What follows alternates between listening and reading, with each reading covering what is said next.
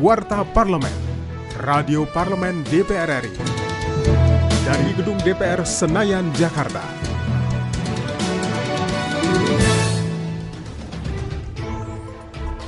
Wakil Ketua DPR RI Aziz Samsudin mempertanyakan lemahnya pengawasan yang dilakukan di bandara terhadap warga negara yang baru saja berpergian dari luar negeri, sehingga ditemukan varian baru COVID-19 atau B117 di Karawang, Jawa Barat yang dibawa oleh pekerja migran Indonesia usai kembali ke tanah air dari Arab Saudi.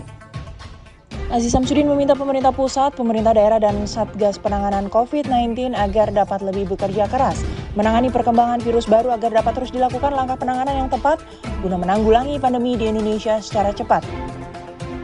Badan Keahlian Sekretariat Jenderal DPR RI bersama Universitas Pajajaran dalam mendukung pelaksanaan tugas fungsi dan wewenang DPR RI melakukan Memorandum of Understanding atau MOU tentang pelaksanaan Tridharma Perguruan Tinggi dan dukungan keahlian dalam pembentukan undang-undang dan kerjasama antara BK dengan Fakultas Ilmu Sosial dan Ilmu Politik UNPAD tentang dukungan keahlian dalam pelaksanaan tugas dan fungsi DPR RI.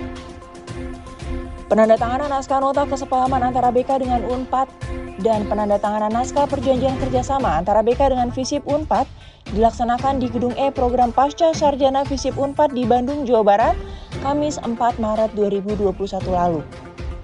Sekjen DPR RI Indra Iskandar dalam sambutannya menyatakan untuk memenuhi kebutuhan DPR RI dalam melaksanakan fungsi tugas dan wewenang Dewan, diperlukan kolaborasi dengan berbagai perguruan tinggi untuk memperkuat dukungan teknis keahlian DPR RI dan melalui penandatangan MOU dan kerjasama dengan UNPAD diharapkan dapat membangun kolaborasi yang intensif demi kemajuan bangsa dan negara.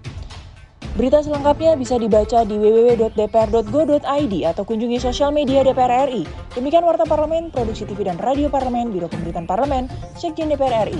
Saya Ratna Absari.